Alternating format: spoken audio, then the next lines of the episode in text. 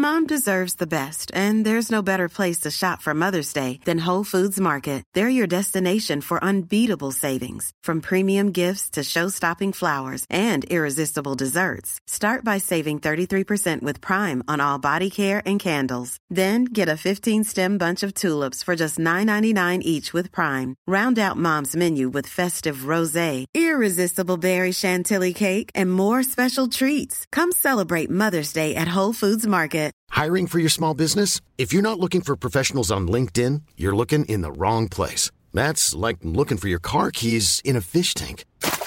LinkedIn helps you hire professionals you can't find anywhere else, even those who aren't actively searching for a new job but might be open to the perfect role. In a given month, over 70% of LinkedIn users don't even visit other leading job sites. So start looking in the right place. With LinkedIn, you can hire professionals like a professional. Post your free job on linkedin.com slash people today. When you're ready to pop the question, the last thing you want to do is second guess the ring. At Bluenile.com, you can design a one-of-a-kind ring with the ease and convenience of shopping online. Choose your diamond and setting. When you find the one, you'll get it delivered right to your door. Go to Bluenile.com and use promo code LISTEN to get $50 off your purchase of $500 or more. That's code LISTEN at Bluenile.com for $50 off your purchase.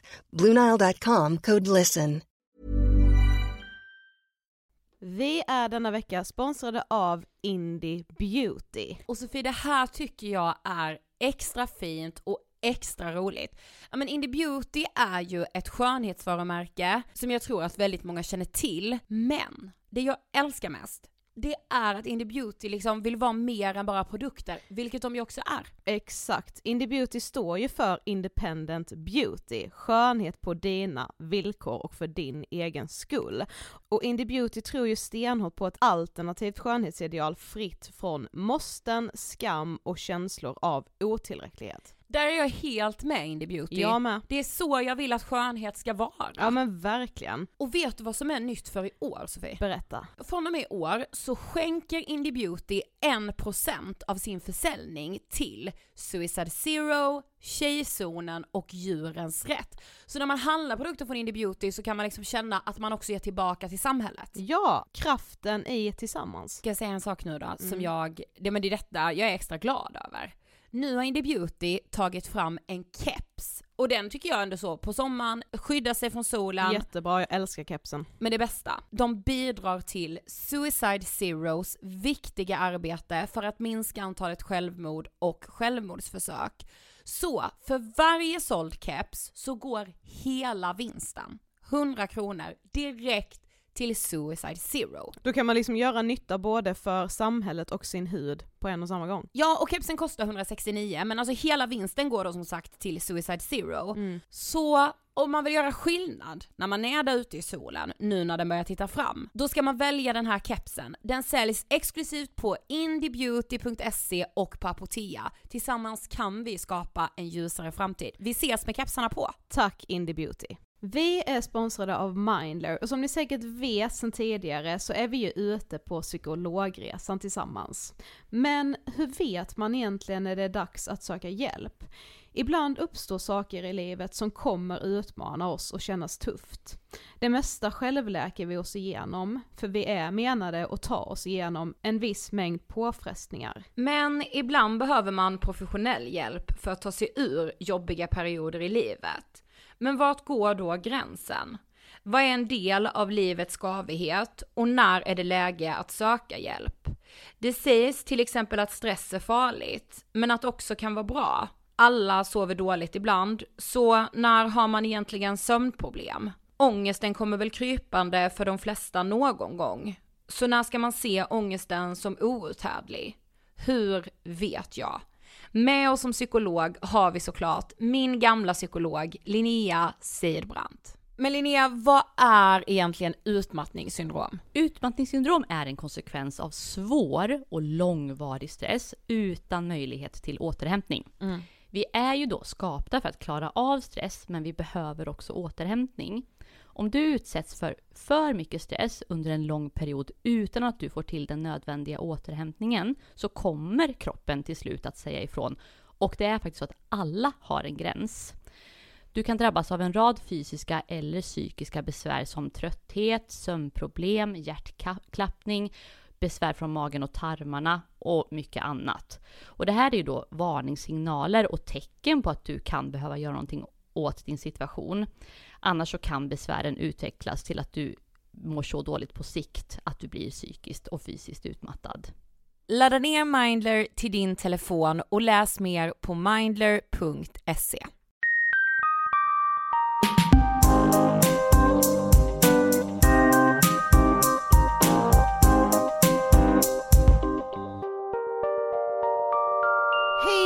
allihopa och hjärtligt välkomna till avsnitt 248 av Ångestpodden! Hej! Back on track! Nej men jag älskar det. Once Alltså, again, once I again. return! Bi, ba, ba, ba, ba. Var det den du tänkte på? Ba, ba, ba, ba, ba. Ja, Nej men jag känner mig verkligen, idag kändes det, du vet när man bara så med de lättaste härligaste stegen slår sig ner i den här studion. ja, det är en härlig dag.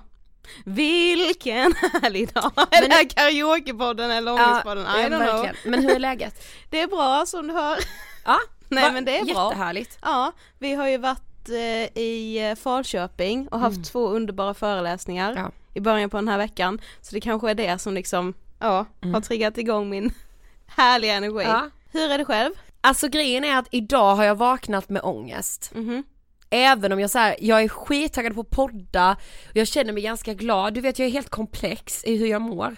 För samtidigt har jag lite huvudvärk, känner mig väldigt spänd Mm.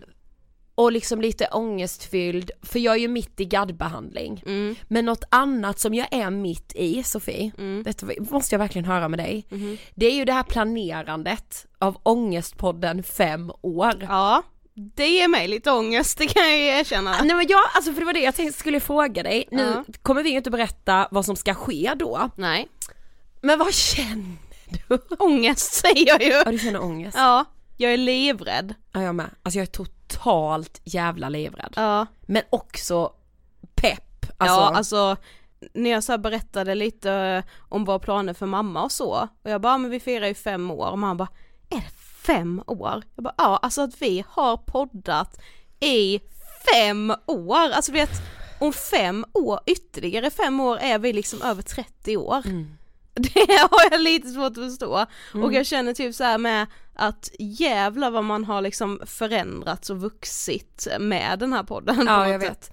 Men det är ju också så här att vi liksom ska nu släppa in någon annan Mm, i Ångestpoddens DNA. mm. Och det, alltså du, vet du hur mycket jag välkomnar det? Ja, det, jag känner ju att jag verkligen vill ha det så. Ja. Vi har ett betalt samarbete tillsammans med Systembolaget. Yes, och som ni vet vid det här laget så har ju vi det här samarbetet för att vi tycker det är så viktigt att lyfta kopplingen mellan psykisk ohälsa och alkoholkonsumtion. Alltså, jag är så stolt över det här. Jag med. Och också att prata, liksom, att ha de här samtalen om alkohol.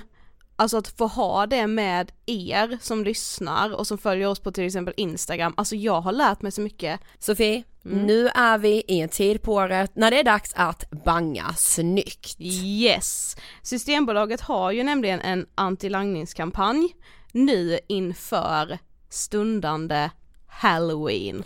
Nej men det är en högtid som jag tror väldigt många behöver banga inför. Alltså Ja. förstår du? Jag tror man kan få väldigt många frågor om kan du köpa ut åt mig? Precis. Och Systembolaget har ju tagit fram en sida som heter bangasnyggt.se som alltså hjälper dig som behöver banga snyggt att göra det alltså snyggt så att jag finner inte ens orden. Men att liksom köpa ut till personer under 20 år, det tror jag att många tänker att man gör det av omtanke.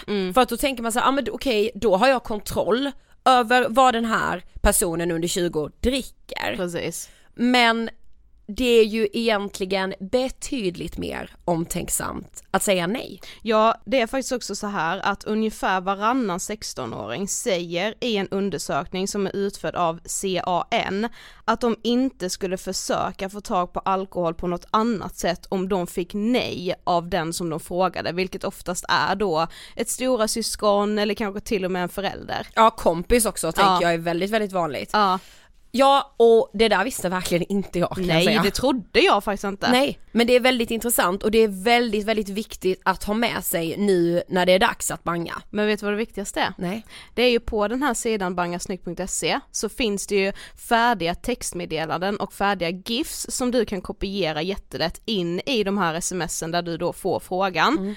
Och vi finns nu som GIF! Oh my god! Goals!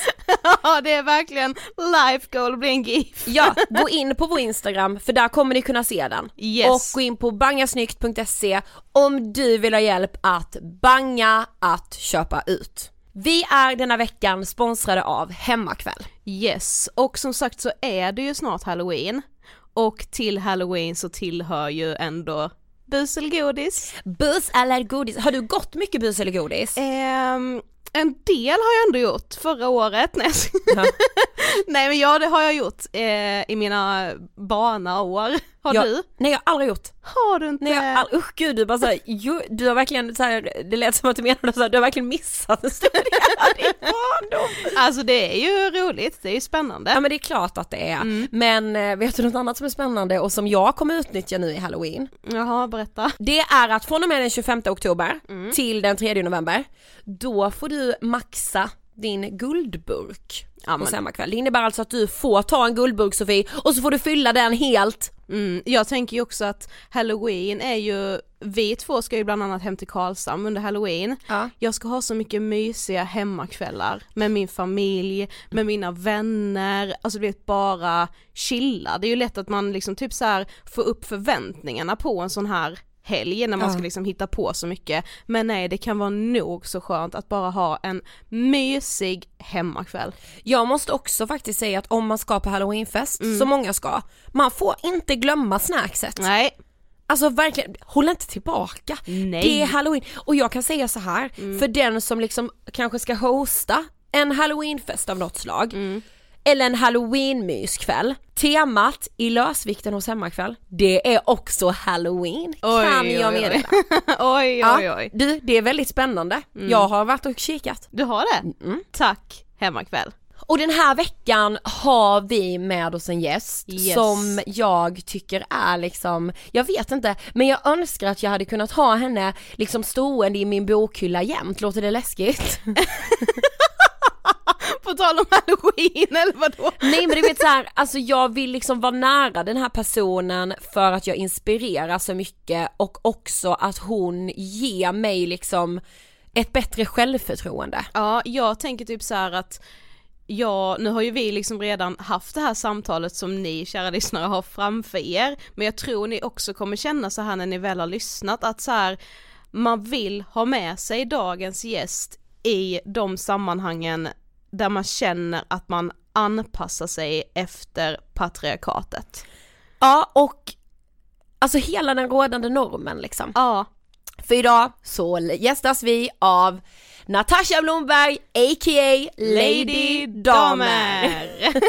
det är fan på tiden känner jag. Ja, alltså verkligen och jag insåg också när vi spelar in det här så är det ju onsdag eh, och ni lyssnar kanske när det är torsdag när det släpps och den här veckan när vi avslöjade på vår Instagram att det var Natasha som skulle gästa så var det så sjukt många som bara ja äntligen yes jag längtar. Precis, ja men det är faktiskt på tiden. Och vi pratar ju om, eh, ja men både patriarkatet som jag nämnde här men också som du säger det här med liksom de rådande normerna som finns idag kring liksom kroppen och hur man bara ska vara som person. Nej men också så här, hur man ska äta. Ja, Det mest naturliga i världen som helt plötsligt har blivit så regelstyrt och så jäkla laddat. Och då är liksom Natasha den friskaste, viktigaste fläkten. precis. Den man behöver ha med sig. Vet du vad det här är? Nej. Det är obligatorisk ångestpoddelyssning. Ja det är det faktiskt. Vi rullar intervjun med Natasha Blomberg. Varsågoda! Hej Natasha och varmt välkommen till Ångestpodden! Hej! Alltså jag sa ju det nu precis innan här att det känns som jag känner dig jätteväl. Ja, jag, jag kan tyvärr inte säga detsamma. Jag, jag följer inte er sådär liksom i sociala medier så, jag lyssnar på podden ibland men Ja. Nu känner jag mig skittaskig. Men också, också att jag känner att jag vill kalla dig Lady Dam. ja men det är, det är den jag, alltså det är ju jag, det är inte ett alter ego, det är ju faktiskt jag. Ja, men för de som inte vet, vem är du?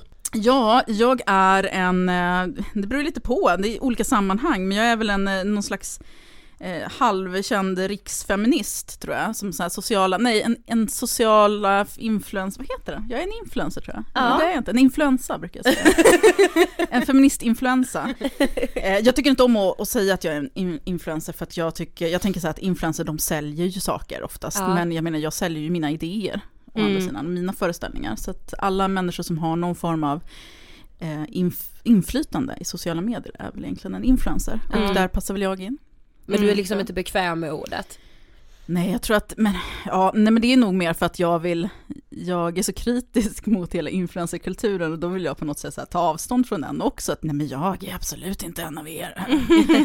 Eh, så det är väl mer en sån grej, men ja, nej, jag vet fan inte. Jag, jag har ingen aning om vem jag är, men jag är feminist och mm. jag eh, har härjat på internet um, i tio år, elva år snart. Oj, mm. vad tänker du på när du hör ordet ångest? Alltså jag har haft ångest, äh, panikångest sen jag var runt 10-11, jag kommer liksom inte ihåg riktigt första gångerna, men jag kommer ihåg när jag började identifiera att det var en annan känsla än att bara vara sjuk. Mm. mm. Eh, för att för mig är ångest också väldigt fysisk när jag får panikångest. Jag blir illamående, jag blir kallsvettig, jag får ont i magen, jag kan, kan inte andas och sådär.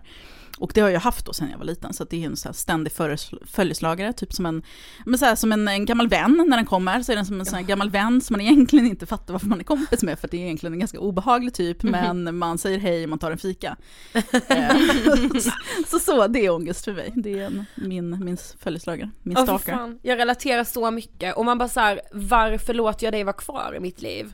Mm. Alltså jag tänk, så tänker jag med min panikångest med, jag bara Ja, alltså på något sätt är det liksom min ovän men också min största trygghet. Mm. men, men har du så speciella perioder när den liksom kommer tillbaka? Har du lärt dig hantera din panikångest på något sätt? Alltså jag tyckte att jag, att jag hade gjort det. Jag hade ju som sagt hela liksom tonårstiden, från att jag var liten, tonårstiden. Och sen någon gång när jag var kanske 15-16, då försvann den väldigt plötsligt. Och sen kan jag liksom berätta varför, men det är helt ointressant och det är så lite new age-grejer som jag egentligen inte tror på. Mm. Eh, men den försvann. Ja. Och eh, kom inte tillbaka förrän jag var kanske i, någon gång i 20-årsåldern. Men då lärde jag mig att hantera den, för den är där och eh, varje gång jag försökte, i början när man hade de första åren, då försökte man ju såhär, man får ju panik, så man försöker ju göra sig av med ångest, man vill såhär mm. hålla emot typ. Mm. Men istället för att göra det så började jag såhär låta den rulla in. Och det var mitt sätt att lära mig hantera den, för då rullar den in och så går den vidare. Mm. Och jag har sällan problem med ångesten nu, den, kom, den kommer ju nu igen, sen jag blev förälder för tio år sedan så började det komma tillbaks. Ja. Väldigt obekvämt, för jag hade ju liksom, tyckte jag, lärt mig hantera den och den var borta liksom i vardagen. Mm. Men nu är den tillbaks. Eh, för att man har ju så massa saker att tänka på och oroa sig för. Och jag tror att jag också har det här eh, GAD. Ja, eh. jag har det. Oh my god. Men jag tror det därför att den, den bara, alltså, jag ångest överallt. Jag bara pekar på Ida. Ja och det, det kan vara ganska handikappande nu och jag har aldrig varit med om det tidigare förrän, förutom när jag var tonåring. Men jag har ju liksom kunnat kontrollera den. Men uh, ja, nu är den lite out of hand, men generellt så brukar jag så kunna gå och lägga mig på soffan och titta på någon så här uh, dum film, gärna så här uh, romantiska komedier som jag egentligen mm. hatar, men det är så här dumt. Mm. Titta på det och då försvinner det. Så ja. jag får inte panik av ångesten längre, utan det är mer som att, oh, fan nu är den här igen, mm. gå hem. Ja, ja, verkligen så. Så det är, inte, det är inte lika akut, men det blir svårare när man är förälder, för att nu har jag helt plötsligt tre barn vars behov pockar på och jag kan inte bara stiga upp mitt i natten när min treåring ligger och sover bredvid mig. Nej. Då börjar han skrika ja. och så måste jag ta hand och så kanske pappa inte är där. Och, ja. Så det blir lite mer svår, svårare att hantera. Mm. Ja. Men alltså grejen var när vi skrev intervjun till dig så insåg vi så här, fan vad vi vill prata om mycket saker med Natasha. Och vi tänkte ändå att så här, vi vill börja i feminismen. För för oss är du verkligen en feministisk ikon. Och vi tänker att många har fått liksom sitt så kallade feministiska uppvaknande genom dig. Men liksom hur, var, när blev du feminist? Så jag minns knappt. Jag, jag, vet när jag blev, eller på ett ungefär när jag blev feminist. Jag träffade ja. en feministisk tjej på en jävla seriemördarforum i som jag hängde på. Det var där jag började, det är därför jag heter Lady Damer också. Aha. Eh, Jag gillar seriemördare. Eller gillar är väl kanske att ta i. Eller, nej, jag vet inte, jag, men jag, jag är intresserad av true crime och seriemördare och sånt, och då speciellt Jeffrey Dahmer. Så jag kallade mig för det. Eh, nu vart det en parentes, jag pratar i parenteser, jag har ADHD, ni får ursäkta. Jag älskar det. Ja. Och, eh, men jag pratar som jag skriver. Jag har mycket Ja. parenteser när jag skriver och jag pratar så också. Eh, nej men jag, hon, det var en feminist som hängde där, hon var svensk och hon sa en massa obekväma saker hela tiden och det var så här, åh gud hon är jobbig, nu kommer hon, för jag var verkligen patriarkatets bästa lilla flicka liksom. Det är jag väl fortfarande mer eller mindre på grund av att alla kvinnor i patriarkatet är ändå liksom ehm, Ja, vi är ju fostrade Ja. av en manstillvänd kultur som Ja. gör att vi, ja, skitsamma, vi kan komma in på det sen. Men hon, hon började säga en massa saker som fick mig att tänka vidare och sen så liksom har det gått över en ganska lång utveckling. Där jag, jag kommer ihåg att det här var runt 2002-2003 så det var inte så jättelänge sedan. Nej. Och i samma veva hade jag träffat min man så vi började ha de här samtalen. Han var ju inte heller liksom, visste ju ingenting om feminism och han var ju en sån här snäll kille. Trademark. Eh, så typisk. Så att vi började prata väldigt mycket om de frågorna och jag tyckte att det, det var som att jag fick ord på saker som jag hade känt skavde innan men som jag liksom, när man ändå är uppfostrad manstillvänt och får lära sig att ja, men det män gör är lite bättre, men mannen är norm och så vidare. Man kanske inte tänker det medvetet men man har det med sig hela tiden. Då blir sådana här tankar som säger emot det väldigt svåra att ta till sig för det Ja. blir en inre konflikt. Mm. Och det känner ju jag igen idag när jag pratar med andra som inte är feminister när man säger någonting om att män är förtryckare eller män, eh, liksom mäns våld är ett problem, alla män gör så här och så här. Folk slår ju det ifrån sig och blir nästan aggressiva och jag var ju där. Mm. För att det var liksom, jag var ju verkligen här, ville vara en bra kvinna. Ja. Ville bli omtyckt ju. Mm. Ja precis, jag ville vara, vara liksom godkänd i pappas ögon och patriarkats, ja jag vet Mm. inte, patetiskt. Eh, Men så är, så är det ju. Eh, Men ändå så kände man ju att saker skaver. Ja. Till exempel mitt ex behandlade mig väldigt illa. Eh, män överhuvudtaget har behandlat mig illa. Jag har lärt mig att ändå uppskatta att bli tafsad på, att bli utsatt för övergrepp, alltså mindre sorters övergrepp, ingen lär sig väl att uppskatta en våldtäkt, men att man ändå har liksom lärt sig att se det som ett sätt att, men det här männen tycker om mig, Mm. jag är värd någonting när de ger mig den här typen av uppmärksamhet. Men ändå fast man kände så här, oh, hihi, jag är värd något, så kunde man ändå känna, hm, det känns inte riktigt bra. så de fy orden fick jag ju i och med feminismen och då gick det ju ganska snabbt, då började det rulla på. Jag är en sån här som, när jag blir intresserad av någonting, då vill jag läsa väldigt mycket om det. Så jag började ju läsa väldigt mycket. Och den första boken jag läste var Under det rosa täcket. Mm. Och då följer allt på plats. Eh, Så på den vägen är det väl. Mm. Men gud, alltså jag tänker bara så här, alltså vi har ju liksom, vi har varit bästisar sedan vi var 12 år typ. Mm.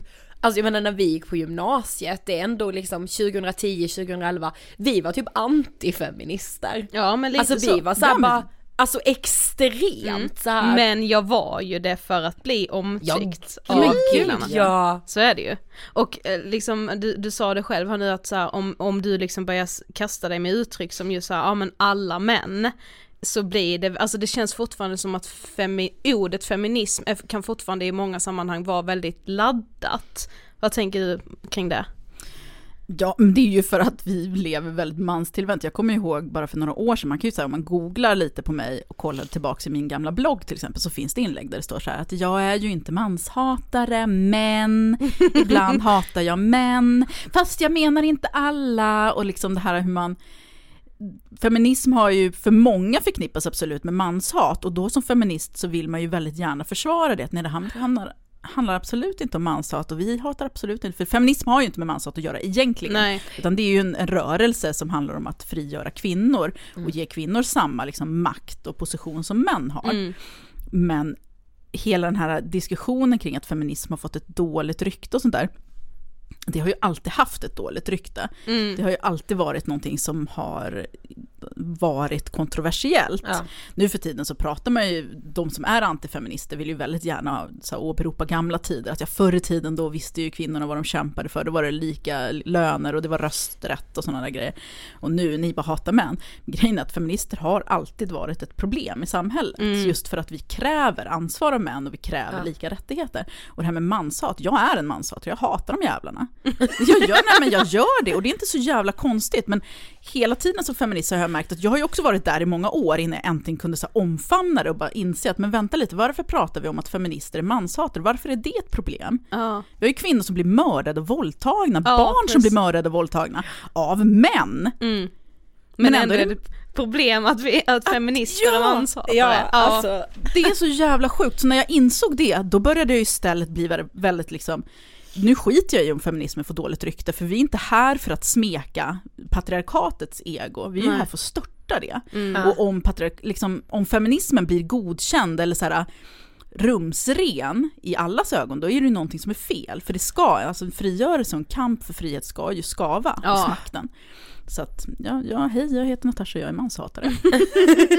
Nej men det är så sant. Det är också liksom så lätt tror jag att nu liksom säga att så ja men liksom när feminismen kom liksom som den första, i den första vågen, då var det inte det här manshatet Ja, som precis. liksom, då visste de ändå sin plats och så här, de var liksom bara så här, ja men typ lite så politiskt korrekta, men vad vet folk om det idag, hur det var då, alltså det har ju alltid skavt, som du säger, det ska ju skava. ja men precis, det måste ju skava. ja, Jag är dessutom övertygad om att suffragetterna var manshatare. ja, Ja. Alltså vem blir inte det i ett sånt system? Precis. Sen hade väl de liksom vi också lärt oss att så här, nej oj, då- dålig känsla, det är en jättedålig känsla, den får jag absolut inte känna för att män är ju fantastiska och tack vare män så får jag finnas till typ. Mm. Men eh, alltså, det har jag tänkt på också det här, jag brukar faktiskt säga det rakt ut, folk blir jätteprovocerade, men jag tror att alla kvinnor är manshatare.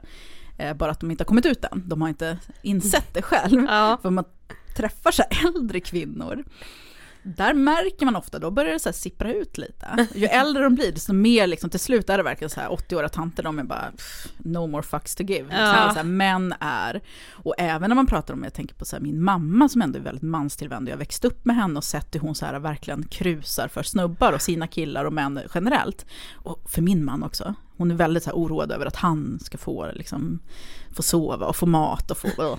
Mm. Ja, men manstillvänd. Så märker jag ju ändå att hon har ju ingen positiv syn på män egentligen. Utan det är så här när man pratar om män, då bara, ja jo men de fattar ju ingenting. Och de, Fy fan vad det är jag med. de är ju fan korkade och de är, fan, ja de, så är de ju liksom. Så att man märker att alla kvinnor, vi är vi inte, alltså vi är ju hjärntvättade att älska dem, men under den här hjärntvätten då pyser det. Och Ja. Ja det är så det. jävla sant. Ja. Alltså, och jag, jag tänker mig så alla äldre kvinnor jag har i mitt liv och så diskussionerna de kan ha om liksom män. Ja. Ja. Jag känner mig inte bara äldre, alltså jag kan känna så med Ja, stundtals. gud, ja. De är så jävla dumma i huvudet. Ja. ja. Men alltså du har ju med pratat mycket liksom om kvinnohat och hur implementerat det är i samhället idag. Vad är kvinnohat? Oj, det är jättesvårt att definiera så, men kvinnohat, dels så är det ju det vi ser, alltså den, kvinnor mördas, kvinnor blir, kvi- kvinnor blir våldtagna, Eh, men det är också lägre löner och, och, och liksom de här enklare vardagsfrågorna, hur vi ser på kvinnor, hur vi behandlar kvinnor och hur vi behandlar män, till exempel kvinnor som är väldigt bestämda ses som bossiga och bitchiga, medan en man som är bestämd, han liksom ses på ett positivt sätt. Eller bara den här liksom väldigt populära frågan inom feministiska kretsar, vem som ska ta föräldraledigt och hur det påverkar kvinnors löneförhandlingar och kvinnors karriärer och kvinnors liksom, ekonomi. För det är ju kvinnor som generellt är föräldralediga. Men det är också en skillnad på hur vi ser på kvinnor och män när de är det. En kvinna som är föräldraledig kommer ses som en belastning på arbetsplatsen. Hon kommer att förlora jobb och då förlora pensionpengar. Ja, men Mm. Medan en man som tar föräldraledigt, även om han tar det liksom i flera månader, han kommer ses som en tillgång på arbetsplatsen för då blir han, uppfattas han som en, en trygg och stabil person som kan ta ansvar. Och det, det är ju en del av det här kvinnohatet, hur vi ser på män och kvinnor olika även när de gör samma saker. Mm. Ehm, ja, och jag tror ju att alla vi är ju kvinnohatare. Det kan jag ju märka hos mig själv också ibland hur man, hur man dömer andra kvinnor mycket hårdare Mm. när de gör saker som man liksom låter passera med män. Ja, ja det vet jag att du, alltså att jag hörde dig säga för, i någon podd för liksom flera år sedan. Att så här, alla är på något sätt kvinnohatare och det är verkligen så här, alltså det var som ett uppvaknande för mig att bara, ja det är verkligen så.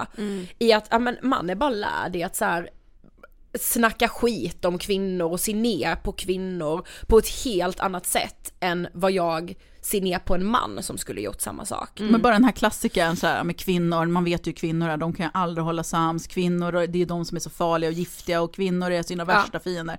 Men vänta lite, fan, män slår ju ihjäl varandra. Ja. Och de slår ju ihjäl oss, hur fan kan vi vara det största problemet? Hur kan det vara vi som får Precis. höra att vi inte kan komma överens med andra?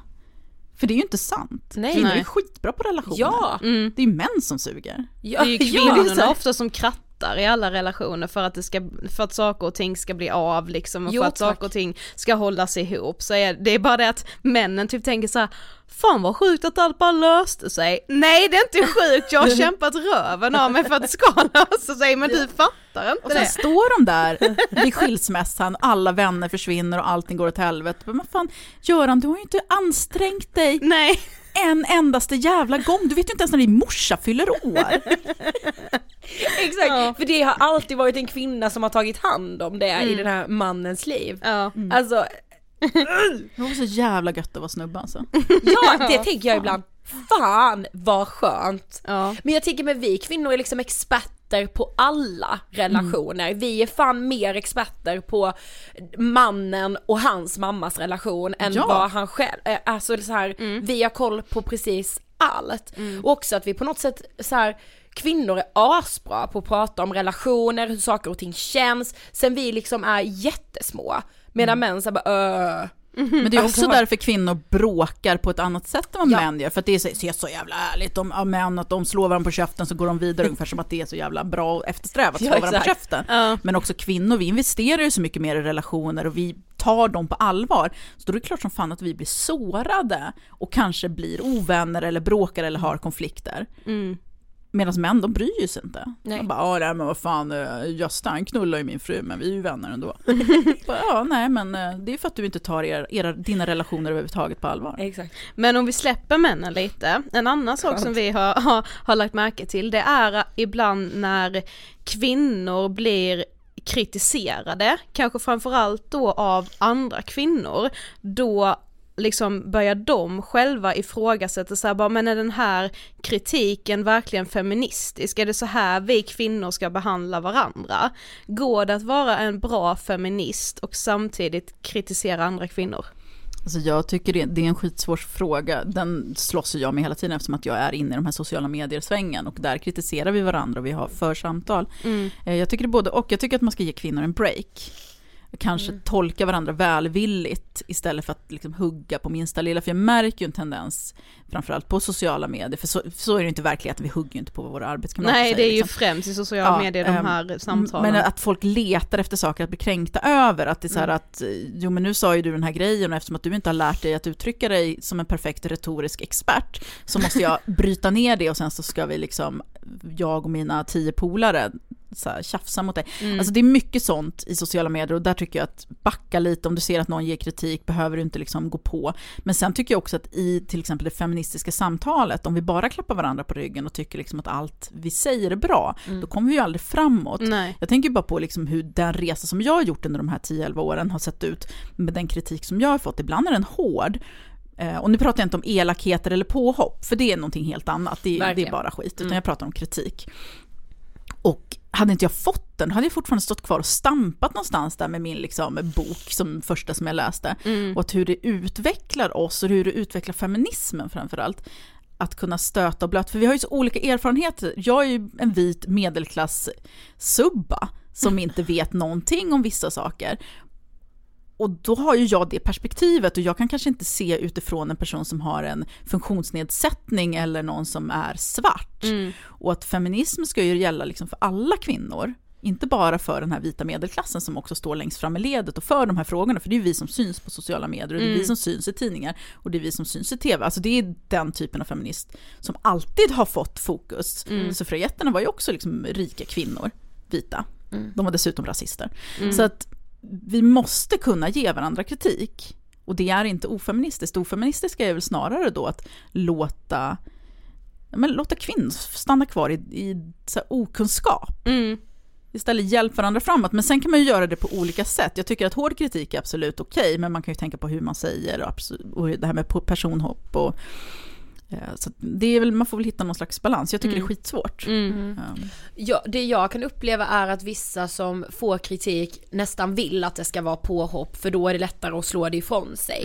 Yes, Då är det mycket lättare att säga så här: nej men gud hur kan du angripa mig på det här sättet? Och varför hoppar du på mig, gud vad Då ofeministiskt. ska vi inte backa varandra vi kvinnor? Ja, men så här, fast om du, om man sen då tar ner det och säger men jag har inte hoppat på dig alls personligt. Däremot att du gör reklam för bantningspiller tycker jag inte är okej. Alltså jag, jag tycker med att det är så så så svårt. Med det här, för det känns som att säga, gud jag vill inte bli utmålad som någon som går till personangrepp, jag har inte gjort det, men om någon med mer följare då exempelvis säger att nu har den här eh, gått på personangrepp på mig, då, alltså det blir så lätt missförstånd och det är så här, ja det känns som världens svåraste fråga. Ja det är det, verkligen. Men vi tänker ju också på kroppen. Denna ständiga, eh, nej men och så här, som, som jag vi vet att du säger och vi pratar ofta om det att kroppen är som någon jävla lägenhet som man liksom kan bygga om och renovera ständigt, ständigt, ständigt, ständigt. Eh, och alltså för oss, har du verkligen varit som någon guru i att så här bryta dåliga tankar om kroppen för oss? Alltså jag älskade när du la ut, du satt åt McDonalds i bilen, så kommenterar någon typ så här, ja att det, är- det här är så onyttigt och allting, du bara, men jag vill gift. Ja det är gift typ, och du bara, men jag vill uppmana mina följare att äta det här för jag vill döda dem. alltså det är så här, det är fan det bästa jag har läst på sociala medier. ja. Och det blir så här världens grej att du då gör det. Men, men liksom, alltså vad tänker du om kroppen och att den liksom alltid är ett renoveringsobjekt? Alltså jag är så otroligt trött. Jag, är, jag, jag pratar väldigt mycket om de här frågorna och jag vet att jättemånga blir hjälpta av det, jag får jättemycket mejl hela tiden. Men själv, jag känner mig så himla ensam med det, för, fast jag är ju inte det. Men när, när jag får den här liksom credden för det, då känner jag att jag är en jävla bluff. För att jag själv hatar min kropp. Jag hatar den, jag mår dåligt av den när jag klär av mig naken, jag har inga speglar hemma. Det är ju ett bra, ett bra knep som jag brukar tipsa om också för att inte ytterligare vältra sig i hur jävla ful och äcklig man är. För det blir ju lätt att man står där liksom och kollar liksom. Eh, Men de få gånger jag ser en spegel, jag ser mig själv naken, då mår jag otroligt dåligt. Jag, inte, jag har liksom inte ens kommit någonstans känns det som. Jo det har jag, jag går inte runt och tänker på det på samma sätt som jag gjorde förut. Kvinnor är ju generellt så här, vi är väldigt medvetna om kroppen. Eh, Det är inte riktigt längre att jag tänker på hur jag ser ut när jag sitter så här, eller hur Nej. jag ser ut när jag rör mig så här eller när jag pratar. Men jag är ju fortfarande verkligen djupt ner i det här träsket med det här självhatet. Men det, hur, hur ska man kunna vara någonting annat när man Precis. lever i den här kulturen? Där vi från, alltså jag har inte tv-kanaler på samma sätt som jag hade förr, men slår man på en tv-kanal och det är bara reklam på hur du ska förändra, hur du ska förbättra, hur du ska bli sexig. De kanske inte säger det med orden, men det är det som är bildspråket. Kommer Ja. man ut här på stan så är det liksom billboards och det är reklam på hur du ska se ut som kvinna för att duga. Det är bara en typ av kvinna också.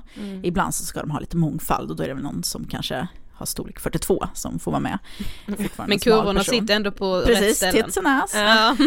Eh, Och tidningar och det är bantning och det är sociala medier har ju liksom ökat explosionsartat. Jag växte ju ändå upp på så här 80 och 90-talet där det var, jag kommer ihåg en tid utan reklam på tv. Eh, och då var det liksom mycket lugnare. Jag tänker på att vara tonåring och barn idag och växa upp med det här flödet som bara rusar mot en. Där du får lära dig att allting är fel på din kropp. Mm. Och det är omöjligt då i en sån kultur att det går inte, man får ju isolera sig i en liten grotta Ja. för att det överhuvudtaget ska vara möjligt att komma någonstans. Och Mm. jag ser på mina barn hur de så föds och växer upp och har den här självkänslan intakt där de bara förundras över hur fantastiska deras kroppar är och vad roligt det är. De kan prutta och det är kul och de kan hoppa och det känns bra. Mm. De springer och de gör grejer och de har fortfarande inte riktigt fattat att det är fel på dem. För att samhället säger ju att det är fel på dem. Det kommer de ju upptäcka snart. Mm. Men vi läste i ett blogginlägg som du hade skrivit, eh, där du hade skrivit att du inte vill reduceras till din vikt och om att ordet tjock är tudelat. Vad menar du med det? Det är så himla A lot can happen in three years, like a chatbot may be your new best friend. But what won't change? Needing health insurance. United Healthcare Tri Term Medical Plans, underwritten by Golden Rule Insurance Company, offer flexible, budget friendly coverage that lasts nearly three years in some states. Learn more at uh1.com. When you're ready to pop the question, the last thing you want to do is second guess the ring. At Bluenile.com, you can design a one of a kind ring with the ease and convenience of shopping online. Choose your diamond and setting. When you find the one, you'll get it delivered right to your door. Go to Bluenile.com and use promo code LISTEN to get $50 off your purchase of $500 or more. That's code LISTEN at Bluenile.com for $50 off your purchase. Bluenile.com code LISTEN. Hiring for your small business? If you're not looking for professionals on LinkedIn, you're looking in the wrong place. That's like looking for your car keys in a fish tank. LinkedIn helps you hire professionals you can't find anywhere else, even those who aren't actively searching for a new job but might be open to the perfect role. In a given month, over 70% of LinkedIn users don't even visit other leading job sites. So start looking in the right place. With LinkedIn, you can hire professionals like a professional. Post your free job on linkedin.com slash people today. himla svårt med det här ordet. Mm-hmm. Alltså tjock är ju egentligen bara en beskrivning. Och det försöker väl jag lära mina barn. De, de vet ju nu att tjock används negativt, för det har jag pratat med dem om eftersom att de går i skolan och de kommer att stöta på det här. Men det är ju egentligen bara en beskrivning. Någonting kan vara tjockt och ibland är det bra. Har man tjockt hår, det är ju jättebra. Eh, tjock grädde är jättebra, men en tjock kropp är jättedålig.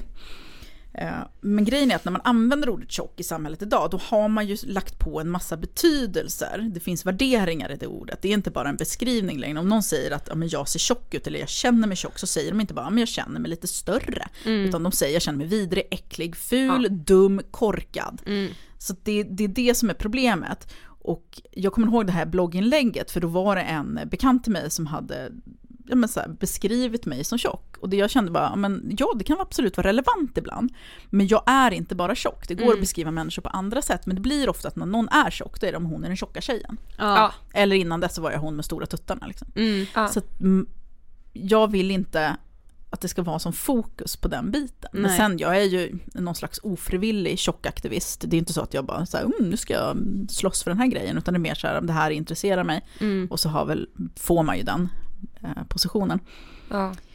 Eh, Men jag vet att du hade skrivit som jag med liksom reagerade på för att vi har ju pratat om det innan att man ska liksom att man måste liksom äga det ordet, att det bara är ett beskrivande ord och just det här med att liksom vi har haft med andra kroppsaktivister i podden som är så bara, ja men det är okej att säga att jag är tjock, för jag är det, för det är liksom det beskrivande ordet för hur jag ser ut eller hur min kropp ser ut.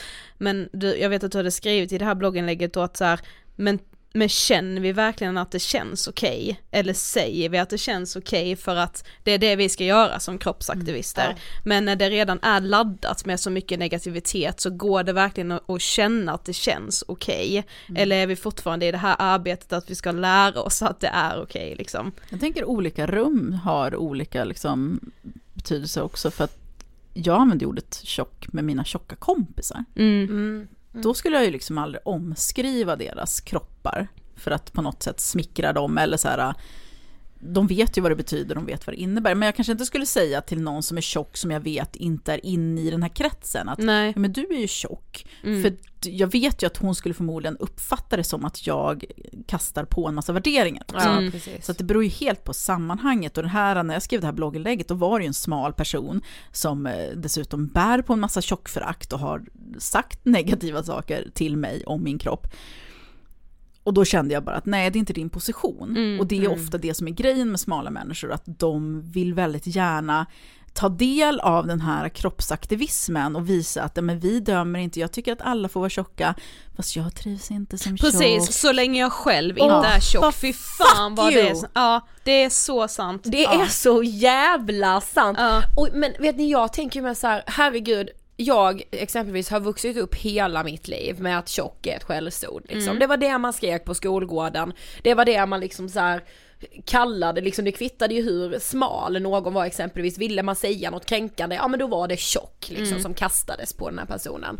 Att då ställa om hjärnan och bara så här, nej det är bara ett beskrivande ord, man är fortfarande så jävla rädd för att så här, ja Även om, att det, be- alltså ni vet så här, jag hatar ju mig själv för att jag tänker så här. Eh, tjock är bara ett beskrivande ord, men jag vill inte att jag ska beskrivas Ja, som tjock. precis. Nej, men jag vill Alltså- inte vara tjock, jag vill inte bli beskriven som tjock. Nej. För att jag har ju också den här internaliserade tjockhatet. Ja. Där tänker jag också så himla viktigt med när, det, när vi pratar med barn. Ja. För det är ju en sån vanlig grej att man vill inte att de ska lära sig att tjockt är någonting dåligt, man vill inte att de ska se ner på tjocka kroppar, samtidigt så vill man ju inte heller att de ska gå runt och känna sig tjocka. Nej. Så att när ett barn säger att ja, men jag, är, jag är tjock så vill man genast dit så här, inte, inte jag, men Mm. generellt, "Åh, nej nej nej du är absolut inte tjock, du är jättefin, du är... och så bara men vad lär du barnet här? Mm. Precis. Om hon är tjock då? Det finns tjocka barn, min, min dotter har tjocka klasskamrater. Mm. Och då ska man säga till dem, nej du är inte tjock, hon är ju tjock! Ja. ska, man, ska man lära då henne att det är någonting negativt? Mm. Att hon inte kan vara fin om hon är tjock. Lära henne att se på sig själv som inte tjock Mm. för att kunna känna att hon duger. Mm. Och där tänker jag att det är den vägen, men så är det med allt med den här frågan, men även feminism och så vidare, att man måste gå, man måste börja från start med barnen. Mm. Exakt. Vi lever ju inte i en utopi, så vi kan ju inte börja låtsas som att eh, allt är frid och fröjd, men vi måste börja någonstans där med dem, att inte föra vidare de här åsikterna. Precis. Men det är ju fan omöjligt med alla jävla löpsedlar och Ja. ja, skiten. Mm. Ja men jag tänker, men jag vet att jag har sagt så till klasskompisar som, som var tjocka, nej du är inte tjock, Ja, ja, du är jättefin. Jo men det var ju också en sån sak man kunde hålla på med, typ säg omklädningsrummet efter Ah. gympan, när man ville ha lite komplimanger, även jag som liksom var norm och verkligen var smal, och, och så bara Åh, jag är så tjock idag. Alltså vet så, nej det är du inte gumman. Alltså på det sättet liksom. Och en meter därifrån så stod er tjocka klasskamrater. Ja, Exakt. Såg precis. detta, hörde detta, Som klippte detta. bort liksom storlekslapparna på sina kläder för att det inte skulle stå att det var storlek large liksom. Men det är så vidrigt. Ja, Jag, är känner, jag känner samma hat som jag känner för män, börjar jag känna mot smala människor för att jag Jag har själv varit den där smala, vidriga subban Ja. som säger de här grejerna, inte för att jag vill såra den här Nej tjocka men personen. man förstår inte liksom. Nej, man bara tänker inte, man är så självupptagen Exakt. och hela den här kulturen är så tjockhatande. Att på något, men jag tror också det handlar väldigt mycket om att man inte ser tjocka människor som människor på Mm. samma sätt som man ser andra smala. Samma Ja. sak gäller med svarta människor. De är alltid någon slags, eh, någon Något liten annat. grupp, någon litet objekt i periferin. Medan hela livet för oss kre- kretsar kring de som är som oss, att vita smala personer. Så därför när man pratar, då pratar man oftast till en smal publik. Ja, Det, exakt. det gäller i allra högsta grad vi som poddar eller skriver Ja. krönikor eller Ja. tidningsartiklar. Det är så här, man pratar till en smal publik. Mm. Och det är därför influencers kan sitta med sina smala kroppar och få ett litet väck på magen och säga att jag har äntligen lärt mig att älska min lilla Exakt. mage. Därför att hon utgår från att hennes publik är smal. Ja. Precis. Och kanske har samma kroppsångest som henne. Fast i själva verket sitter det en massa jävla feta kvinnor och följer henne och bara känner, vad i helvete? ja exakt, Ja. vad fan Jag är det här? veck på min mage. Ja. Men också så här, alltså det som man med kan prata sig liksom, bli galen, det är ju det här med att känna sig tjock. Hur många gånger har jag sagt det Mm. under min uppväxt? Idag känner jag mig tjock och i den här klänningen känner jag mig tjock. För helvete liksom! Alltså den enda gången det kan vara godtagbart är om du är höggravid, du har precis klämt en Ben Jerrys och du har lite för små kläder. Då kan jag förstå att man känner sig jävligt för stor helt plötsligt. Eh, Eller att man som tjock människa känner sig tjock när man sätter sig i normala stolar eller Ja. liksom försöker få plats i det offentliga rummet. Men hela den där, det där har jag tjafsat med många Ja. kända profiler om. Inte för att jag vill på något sätt få dem att känna, liksom, känslorna är legitima, jag förstår var det kommer ifrån, jag har också varit där. Men det handlar ju om det här hur språket används, att Exakt. hela tiden hålla på, men det är det här med den smala publiken. Precis. Jag känner mig tjock, jag mår dåligt av det. Och sen nästa sekund, "Nej, men jag ser inte ner på tjocka säger alltid de där då. då. Ja. Men det är så här, men vad är det du vill säga egentligen? Och varför hade det varit dåligt om du känner dig tjock? Det är ju aldrig någon som bara, ah, men jag känner mig så himla smal idag, på ett negativt sätt. Ja. Eller jag känner mig så jävla lång. Det är liksom ingen som säger det med Nej. negativ ton. I sådana Nej. fall så här, shit jag känner mig smal i de här kläderna eller vad Exakt. det nu må vara. Och det är Mm, så här fan vad nice det var. Ja.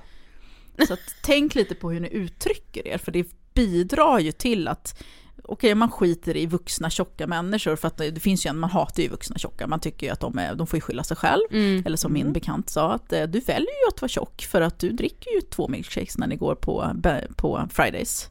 Eh, ja, vem dricker inte två milkshakes? Det är någon som förnekar livet känner jag. Ja, Men det är så här- jävla sant. Tänk på barn, det finns små tjocka barn. Kan inte Mm. de bara få vara tjocka i fred? Sen kan man diskutera hälsoaspekten vid något annat tillfälle med någon annan människa, kanske om man är utbildad läkare eller någonting. Mm. Men kan inte bara tjocka barn få vara tjocka utan att lära sig att de är äckliga och fula och värdelösa? Exakt. Mm. Jag fattar inte hur folk tänker, eller jag fattar ju för att jag var där, de, man tänker inte. Nej, Nej, precis det är väl det man det tänker. Det är det det, som är liksom. problemet. Mm.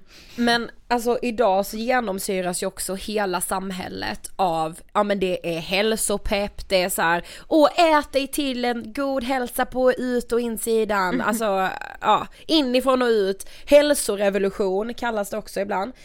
Eh, och vi vet att du har både skrivit och pratat mycket om liksom det här och att det också då upprör väldigt många. Alltså jag tycker det är så himla intressant det här med hälsa. Dels när det handlar om vikt eller psykisk ohälsa. Vi, Mm. vi har aldrig pratat så mycket om hälsa som vi gör idag. Men ändå är det så här, vi måste prata mer, det finns en fetmaepidemi och folk blir bara sjukare och sjukare. Men om det hade funkat och tjatat om det hade inte vi blivit friskare och friskare. Mm, Med tanke på att vi exakt. har hållit på så här i alla fall sedan Ja. 80-talet. Ja, Ja, Men det blir ju liksom tydligen enligt de här profetiorna eller liksom rönen så blir vi bara fetare och fetare och sjukare och sjukare. ja. Nu är det riktigt sant, men, men det kan vi inte hålla på och prata om här för att då behöver jag backa upp med en massa siffror. Men Mm.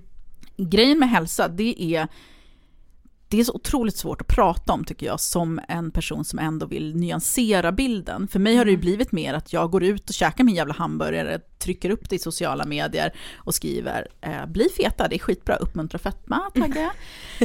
eh, och, och gör folk skitförbannade. Och det gör jag med flit, dels för att jag gillar att retas. Ibland har jag faktiskt ingen mer tanke bakom det, mer än att nu ska jag reta skiten ur mina följare. men det är helt sjukt att du, du kan uppröra på ett så enkelt Ja, sätt. Alltså, ja, det är ju helt sjukt. Ja. Samtidigt så har vi liksom barn då som svälter sig själv för att bli lika smala som de här influencersen. Ja. Men det är jag, den enda personen, okej jag är inte den enda, men en av de få personer som pratar om att det är okej att vara fet, då blir jag problemet. Men det här med hälsa är ju intressant, för jag är intresserad av hälsa. Jag tycker det är jätteviktigt att må bra i sin kropp, både fysiskt och psykiskt. Jag är intresserad av kost, det är en sån ett intresse som jag har. Jag och min man, vi tycker det är skitkul. Vi så letar olika maträtter som har bra kombinationer av näringsämnen och vi gillar att mata. Jag får en kick av att mata barnen med mycket så här, ja, med vitaminer och, och hälsosamma grejer. Det är skitkul. Vi köper mycket grönsaker, äter mycket vegetariskt. Ja, men ni vet.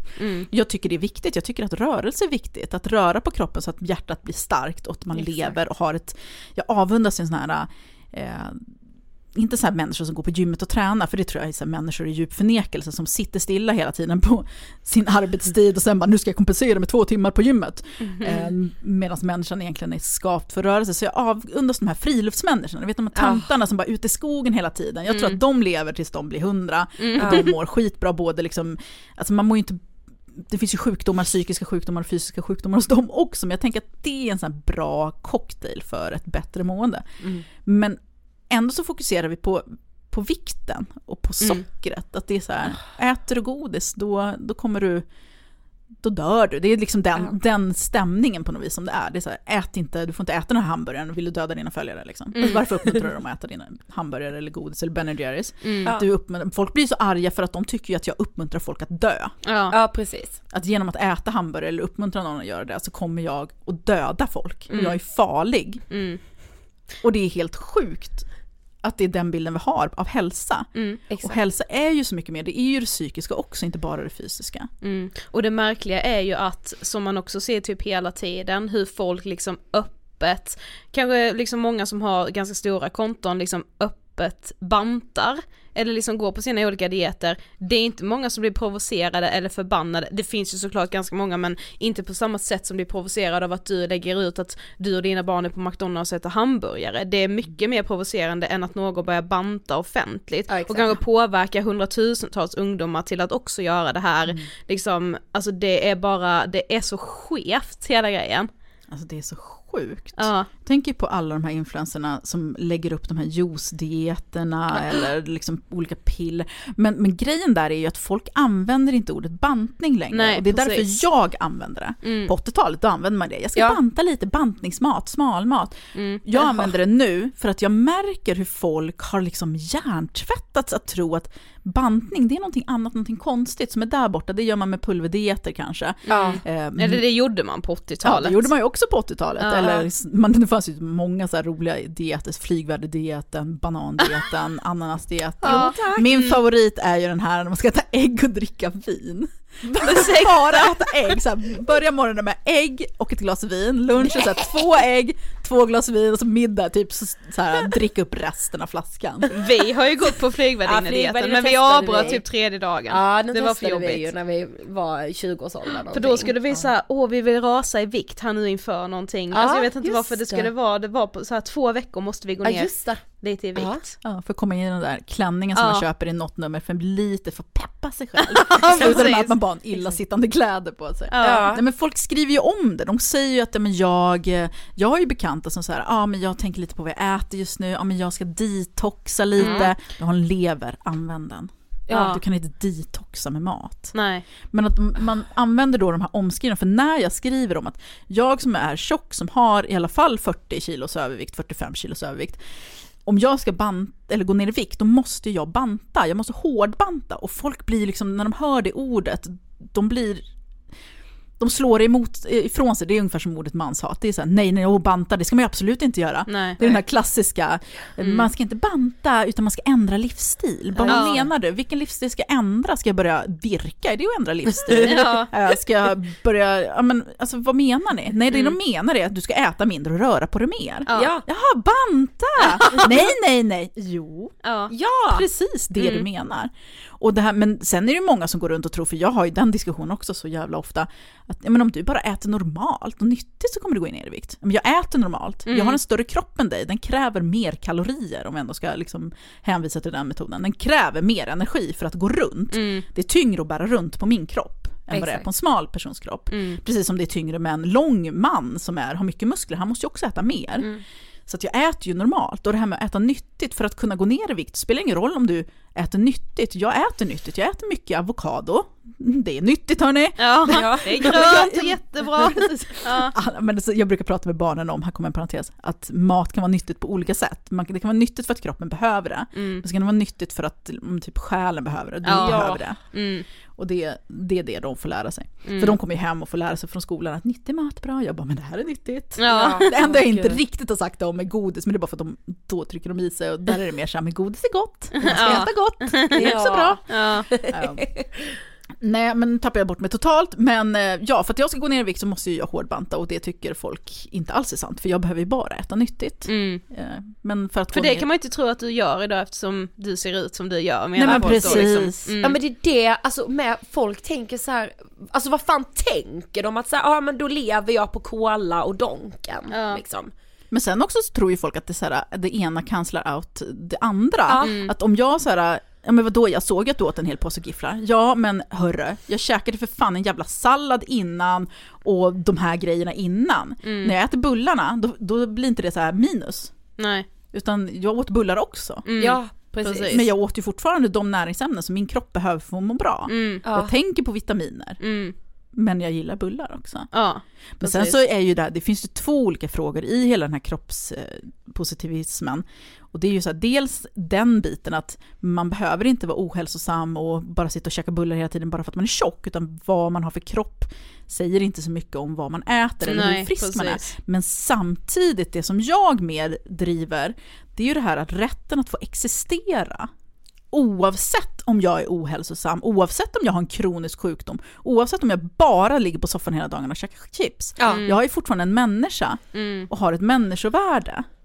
Och jag har ingen skyldighet gentemot någon annan att vara hälsosam. Mm. Och det tycker jag är ganska viktigt att komma ihåg, för att det blir ofta, precis som i diskussionen med manshat, att man som feminist vill slå ifrån sig det för att försäkra publiken eller människor som lyssnar om att jag är inte en hemsk feminist, jag vill bara ha, jag, jag är bra, titta på mig. Mm. Så i samma sak i, i den här diskussionen så är det många tjocka som går ut och försvarar sig med att men jag tränar, jag går på gymmet, man får bara vara tjock om man samtidigt antingen tar avstånd från sin fetma eller försöker göra någonting åt det eller är hälsosam. Åh gud det här är så sant. Ja. Ja. Och det är så här, nej, jag är tjock, jag gillar chips och jag går inte till gymmet. Deal with it! Liksom. Nej men alltså nej, men det är så sant. Ja. Alltså att så här, det, alltså att man, det hör man ju hela tiden att liksom tjocka människor får skriva långa instagraminlägg om hur fan de tränar och så här, som håller något jävla försvarstal i det och först då så här då kan liksom smala människor, För så kommer ju de Alltså smala generellt. människorna bara åh du är så duktig, vi tror på dig, kämpa för att du ska bli en av oss, en av oss smala alltså. Jag kommer ihåg när jag läste om det var ett barn som hade blivit mobbad för att hon var tjock. Ja. Och föräldern gick ut och var väldigt upprörd. Och jag förstår det, jag hade velat ta ihjäl alla som fanns.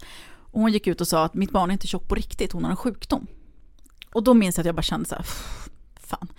Jo, ditt barn är tjockt på riktigt. Sen Ja. om det beror på en sjukdom eller om det beror på för mycket hamburgare Ja. eller vad det nu beror på spelar ingen roll för ditt barn är tjockt och Mm. hon får existera ändå. Mm. Men det är också en del i det här liksom, att Ja, du får fin- bara finnas om det finns en godtagbar anledning.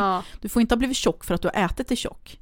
Du får vara tjock kanske Mm. om du har en eh, sköldkörtelproblem. Ja, precis. Mm. Då är det okej, fast du måste fortfarande försöka göra någonting åt det. Mm. Ja. Och det är så här, men jag har fullt upp med mitt liv.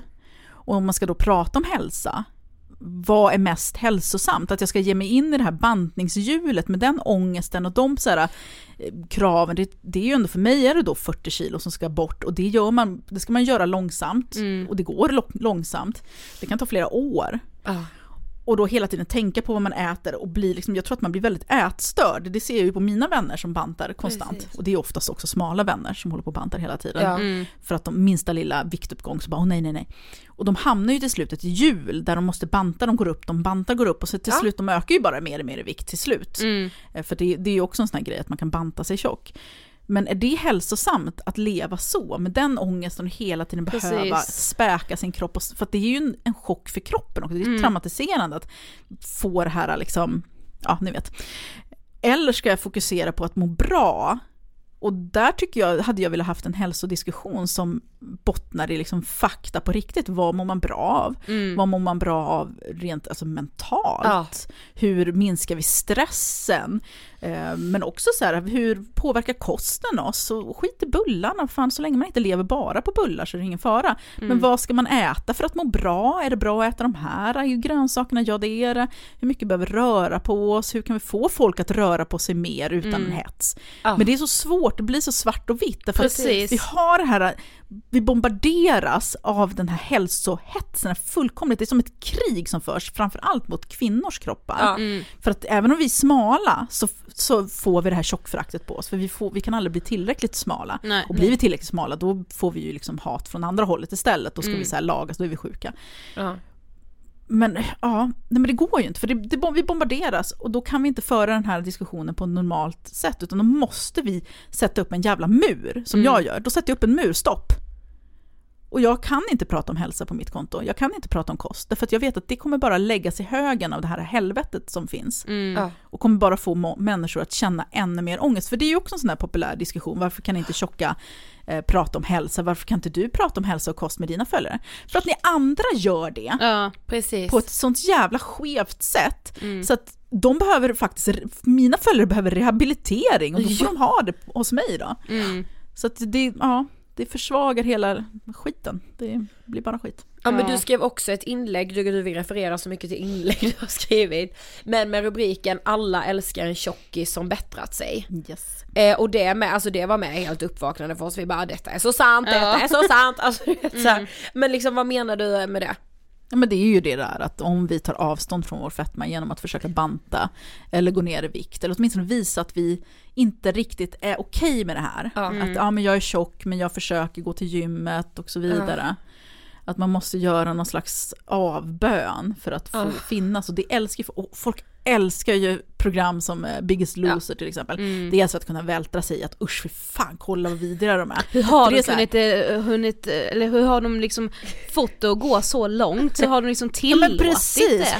hur har det kunnat gå så här långt? Och Ja. fattar de inte att man blir fet när man äter det här och det här? För de väljer ju inte ut vanliga tjockisar utan de väljer ut människor som har ett stört beteende till mat Precis. liksom. De är ju ätstörda också. Ja, precis. Ja, så då väljer de ut det, så ska vi sitta och förfasa oss och titta på det och sen Ja. se hur det löser Titta, de korkade tjockisarna fattar inte att man inte kan bli smal om man äter hamburgare varje dag. Ja. Men nu vet de och så får man se dem rasa i vikt och alla älskar dem. Och någonting som är det värsta jag vet är nyfrälsta människor. Om det är så nyfrälsta rökare som nyfrälsta tjockisar som har blivit smala. Mm. Tänk på den här, vad heter han, skitsamma, någon sån här vinnare i Biggest Loser som satt i pressen och liksom kastade ut en massa skit mot alla tjocka som bara, ja men ni hatar bara er, er själva och ni måste så här, börja ta hand om era kroppar, jag har varit där ni har varit med en massa ursäkter och aldrig Mm. så här, kunnat ta tag i mig själv. Satt och spydde det i tv i tv. Nu är han på väg upp i vikt igen och jag känner bara, haha, vad var det jag sa? det är den vägen de flesta, för det är ju också en sån här grej att vi bombarderas med att vi ska banta och gå ner i vikt för då är vi duktiga tjockisar Mm. och det är, vi måste ta tag i vår hälsa. Men de flesta som går ner i vikt går faktiskt upp igen. Och det är inte Mm. för att de är svaga, lata eller saknar någon form av motivation, utan det är för att kroppen fungerar så. Ja, Exakt. Precis. Men något som vi också har tänkt mycket på just det, nu har vi varit inne lite grann på det här med att just liksom vara förälder kanske, hur man ska förhålla sig till idealen framför sina barn, hur man ska prata med sina barn om liksom de här samhällsnormerna vi har. Men vi får ju också höra från väldigt mycket lyssnare som har växt upp med föräldrar som har bantat framför dem. Alltså vad tänker du kring allt det här liksom? Alltså det är ju liksom inte föräldrarnas fel för de är också bara matade med liksom de här normerna men hur ska man egentligen förhålla sig till det här framför sina barn? Jag tycker det är så svårt att när man själv, med, alltså jag förstår ju att det är dåligt att banta framför barn, Mm. Eh, Så då är det svårt, då blir det ju lätt att man dömer andra föräldrar som dumma eller korkade. För att man inte själv är där. För att när jag blev förälder då var jag liksom, hade jag redan förstått de här grejerna. Mm. Samtidigt så tycker jag att föräldrar behöver ta lite jävla ansvar. Ja, ja men jag blir förbannad när jag hör Alla det. Så. fattar väl att det är dumt att så här, banta framför barn. Jag kan, jag kan inte tänka mig att någon inte tycker det. Mm. Det är väl det att de inte tänker, jag, jag, jag vet faktiskt inte, men jag tycker det är skit och jag är själv uppvuxen med det, men på 80-talet var det ju väldigt, alltså där alla bantade Ja. Det var ju liksom i tv så Susanne Lanefelt eller vad hon heter Ja, stod precis. där och knep liksom. Ja precis. Och det var så här, det är ju hela den kulturen, det var väldigt fokuserat på bantning. Mm. Eh, och jag har ju som sagt bekanta som har barn, som de säger ju inte framför barnen att de bantar eller vill gå ner i vikt. För att nu vet jag att det finns föräldrar som gör det också, eller som påpekar att barnen har blivit lite tjocka och runda, för sådana föräldrar har jag tyvärr mött. Men Ja. i min bekantskapskrets, nu pratar jag inte om mina vänner, men i, liksom i kretsen runt omkring en, Mm. så ser man ju ändå föräldrar som bantar och inte döljer det. De använder ju inte de orden, utan de använder att de tänker på vad de äter, de använder det här språket som vi har pratat om. Precis. Och man ser ju också att de sitter ju då vid middagsbordet och alla äter sin grej, så sitter någon Ja, där med sin precis. jävla keso. Som att barnen inte fattar Precis. vad det handlar om liksom. Jag har ju jobbat på förskola där det har varit Ja. Pedagoger också, som har suttit där och bara så här skippat kolhydraterna, tagit jättelite av det andra, lagt på något keso. Ja. Allt den här jävla keson. Ja. Och barnen ser det och det är liksom så här. Man för ju vid, vidare ett sånt jävla skev, alltså jag förstår inte hur man kan vilja det. Att Nej, man det inte kan se på sitt lilla tjocka, gosiga, fina, lilla knubbiga unge Mm. och bara, nej men det här ska vi förstöra. Mm. Men vi, hade, vi pratade med en förskollärare som sa att hon hade barn på liksom sin avdelning som bara Vitt bröd det är farligt, det är onyttigt. Mm. Bara, men, det är en förskola, alltså hur gamla, är de tre år? Det De ska är, inte vet, veta alltså, det jag får säger liksom ont i min mage av att höra. Alltså jag blir så upprörd att jag bara, Mm. vad i Men det är så jävla helvete? sjukt. Jag tror också att det handlar väldigt mycket om att folk tycker så här, för jag har ju som sagt suttit i de här diskussionerna, att men vi måste lära barn, alltså nyckeln till en folkhälsa är att lära barnen vad som är Ja. nyttigt och onyttigt och så vidare. Och nej, jag ska väl inte säga att vitt bröd är det nyttigaste som finns, man kan äta vitt bröd för att det är gott. Ja. Inte för att det tillför så jävla mycket mer än luft. Mm. Men om du vill att dina barn ska äta nyttigt, så här tänker jag hemma hos mig när jag lagar mat. Om jag vill att mina barn ska äta nyttigt, då ska inte jag sätta mig ner med dem och förklara att det här är onyttigt och det där är gift och det där är skit. Jag serverar den maten jag vill Ja. att de ska äta. Sen behöver inte de förhålla sig till det på något annat sätt, för jag sätter den här kosten i deras ryggrad. Ja, precis. Serverar du ägg och avokado så kommer de att tycka om det och äta det när de blir vuxna sen. Mm. Nu undantaget de som har ätstör, alltså så här, Ja, um, selektivt ätande, men generellt. Du behöver inte förklara för barn att det här är onyttigt, det här är nyttigt, för det skapar bara ångest Mm. och en massa förbudskänslor och en massa konstiga tankar kring mat. Exakt. Och mat ska ju vara, det ska ju vara glädje, det pratar man ju väldigt mycket om när man jobbar inom förskolan. Där har man ju den här pedagogiska måltiden för att lära barnen matglädje och att vi som, alltså de flesta folk i världen, oavsett kultur, är ju maten en stor del av kulturen. Precis. Hur vi så här samlas, vi äter, vi matar varandra, det är ett tecken på så här gästfrihet. Mm. Och så ska man sabotera det genom att ge barnen en massa ångest kring det istället. Ja. Vill du att barnen ska äta avokado, men ge dem avokado. Du behöver inte säga, vill du inte att de ska äta vitt bröd? Ja men för fan köp inte hem vitt bröd och det är inte svårare än så. Nej, Köp inte hem bröd alls. Nej. Barn måste inte äta bröd. Nej. Men du behöver inte säga det till dem. Och inte heller så implementerat att liksom att äta skulle vara något sorts, något sorts eh, så här, nödvändigt ont utan Nej. så här, att äta och ha de här måltiderna när man sitter och pratar med varandra det är liksom en så fin del av vardagen ju. Vi var ju på en lunch där någon berättade för oss att det bästa det är att dricka lunchen. så vi hade panik. Menade de mojitos då? För det, då, kan jag, då skriver jag på. Men, men jag tycker det, det är som det här talesättet som folk brukar slänga sig med, att man ska inte leva för att äta, man ska äta för att leva. Och så menar de på att eh, man ska se ba- maten bara som bränsle. Ja.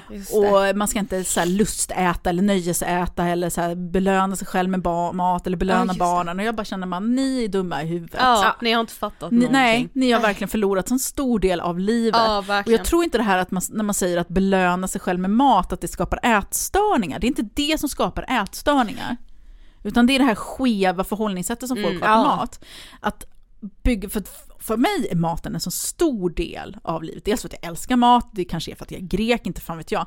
Men jag Ja, jag lagar mycket mat hemma och jag lagar så här, husmanskost, både Ja. grekisk och svensk. Mm. Och för att jag vill att barnen ska växa upp med det, med mitt arv. Fan, vi serverar ju till och med sill fast jag inte ens tycker om det och det kommer att bli surströmming fast jag aldrig har ätit det. Nu låter vi det bara för det är, så här, det är våran kultur. Ja, Och barn får fan inte gå miste om det. nej. Vi förlorar en så stor del av liksom vår historia och vårt liv av att bara så här, nej men det här är farligt, vitt bröd är jättefarligt. Ja. Ja, exakt. Ja, kanske om du äter bara vitt bröd. Precis. Om det är det Aldrig någonting liksom. annat. Nej. Vad inspirerar dig?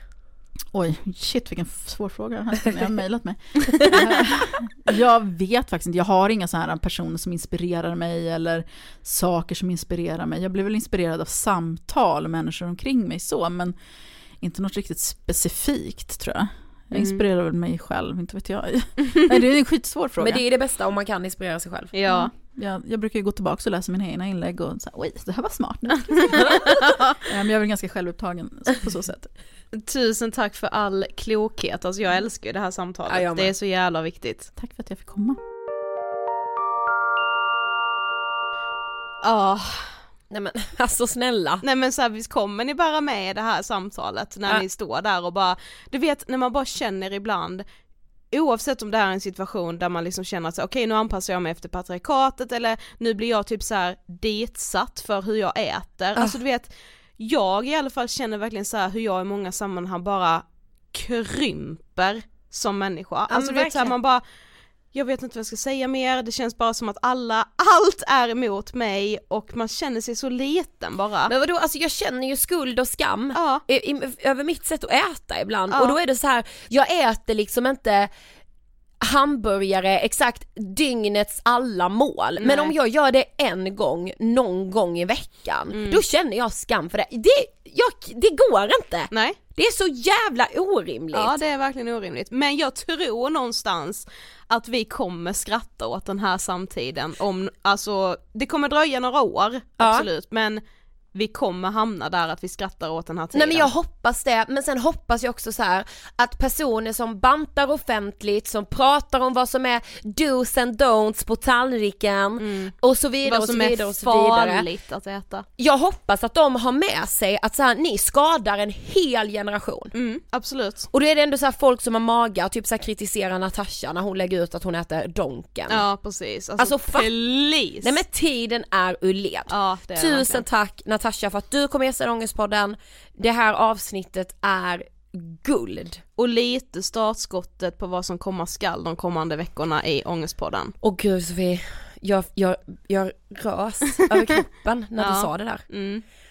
För det har blivit dags för en ny poddserie. Äntligen, Äntligen en Vi måste prata om. yes. Och om ni vill liksom se vad den kommer handla om så uppmanar jag er att följa oss på Instagram, där heter vi Angestpodden. Yes. Eh, alla goa västkustare, Ja. nästa vecka, alltså den 29 oktober, kommer vi livepodda i Femmanhuset. 17.00. Yes, så snälla kom dit. Det är en sån liten bur, ni kommer hitta dit. Men Ja, det är en livepoddsbur. Där ska vi sitta och köta med goa göteborgare i en Åh, timme. det så gött, är det inte klokt? Ja, hoppas att vi ses där. Ja men det tror jag faktiskt att vi Det är gör. helt gratis alltså. Jag kommer vara där. Jag med. Okej bra. Det är ändå en förutsättning för Ångestpodden. Nästa Ja. vecka hörs vi i en poddserie och herregud jag hoppas Yes. ni vill höra på den. Ha det bäst så hörs vi nästa vecka. Puss. Hej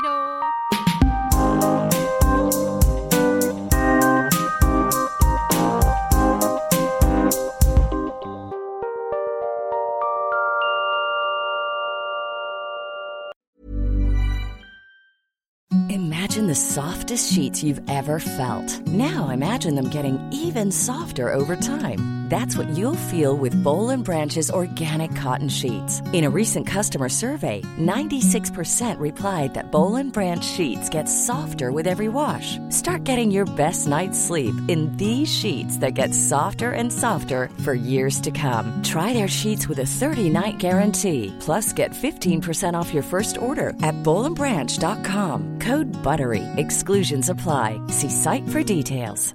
Even when we're on a budget, we still deserve nice things. Quince is a place to scoop up stunning high-end goods for 50 to 80% less than similar brands. They have buttery soft cashmere sweaters starting at $50, luxurious Italian leather bags, and so much more. Plus, Quince only works with factories that use safe, ethical, and responsible manufacturing. Get the high-end goods you'll love without the high price tag with Quince.